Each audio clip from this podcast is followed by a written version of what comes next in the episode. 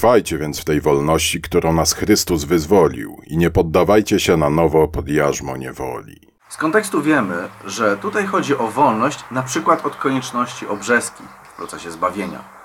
Nie powinniśmy uważać, że jesteśmy zbawieni z uwagi na jakiekolwiek zewnętrzne rzeczy, na jakiekolwiek nasze uczynki, a jedynie przez krew Chrystusa. No dobra, ale co w takim razie zrobić z tym wersetem? Zazdrość, zabójstwa, pijaństwo, hulanki i tym podobne. O nich wam mówię, jak już przedtem powiedziałem, że ci, którzy takie rzeczy czynią, Królestwa Bożego nie odziedziczą. Dodam, że ten werset jest w tym samym rozdziale listu do Galacjan, co ten poprzedni. Więc musi doty dotyczyć właśnie zbawienia z łaski i nie poddawania się pod jarzmo niewoli. Czyli raz jeszcze. Tam czytaliśmy, żebyśmy nie poddawali się pod jarzmo niewoli, tak? Żebyśmy tutaj zrezygnowali z takich zewnętrznych obrzędów jak obrzeska i tak dalej, bo tylko krew Chrystusa nas zbawia. A tutaj raptem mamy znowu rzeczy, które na nas są nałożone, że nie wolno ci robić tego, tego, tego i tamtego.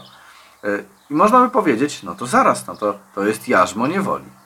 No właśnie, Paweł pisze tutaj, aby nie postępować według ciała, ale według ducha. Bo gdy postępujemy według ciała, to w sumie znowu poddajemy się pod jarzmo, pod jarzmo innej niewoli. Tym razem mowa jest o niewoli ciała. Czyli chrześcijaństwo rzeczywiście no, polega na tym, aby być wolnym. Dlatego nie mamy tutaj myśleć, że nasze zbawienie jest uzależnione od uczynków. Nie, jest uzależnione od Chrystusa. Ale tak samo nie powinniśmy, skoro staliśmy się wolni, nie powinniśmy dalej poddawać się pod jarzmo niewoli. Jeżeli kiedyś, przykładowo, paliłeś papierosy i Pan Bóg dał ci teraz wyzwolenia, to nie myśl sobie, że teraz jesteś wolny i jak teraz zapalisz, to z powrotem nie wrócisz do nałogu. No możesz wrócić. Pan Bóg ci mówi, nie poddawaj się pod jarzmo niewoli.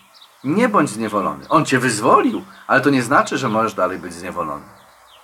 Dlatego rozwiązaniem jest y, tutaj tej pozornej sprzeczności jest robienie rzeczy y, tutaj, i tej, tej, tej kwestii związanej właśnie z tym jarzmem niewoli ciała, jest robienie rzeczy jakby wbrew swojemu ciału i niepobłażanie mu.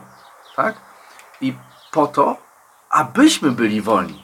Czyli to nie nakłada na nas niewoli. Tylko Pan Bóg nas mówi, słuchaj, ja chcę, żebyś był wolny nie poddawaj się pod jarzmo niewoli. Uczynki ciała są jawne i kto je czyni, nie będzie zbawiony. Wyraźnie rzecz jest napisana w tym wersecie. Zbawieni jednak będą y, z racji swojego zbawienia walczyć z ciałem. Czyli jeszcze raz, nie będą oni y, jakby postępować, y, żeby jakoś walczyć z tym, żeby, żeby być zbawionym. Nie. Z uwagi na fakt zbawienia przez Chrystusa, Zbawieni walczą z ciałem, bo nie chcą się poddawać jarzmo niewoli. Chcemy być wolni. Jesteśmy wolni, ale wolni jedynie w, Chrystus, w Chrystusie. E, ok. Jest to zwyczajnie konsekwencja, jak to często jest mówione, jest to konsekwencja zbawienia, a nie jego warunek. Teraz, wie, teraz bym chciał, żebyś po prostu uwierzył, że jesteś zbawiony.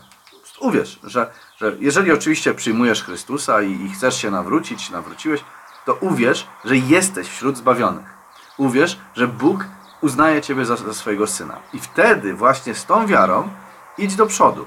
Uwierz, że Bóg Ciebie przyjął i teraz On będzie Ci pomagał walczyć na przykład z ciałem, jak tutaj w tym wersecie jest napisane, lub z innymi grzechami, z, z innymi rzeczami, które nas zniewalają. No także co? Głowa do góry i z, Jezus, z Jezusem mamy zwycięstwo pewne.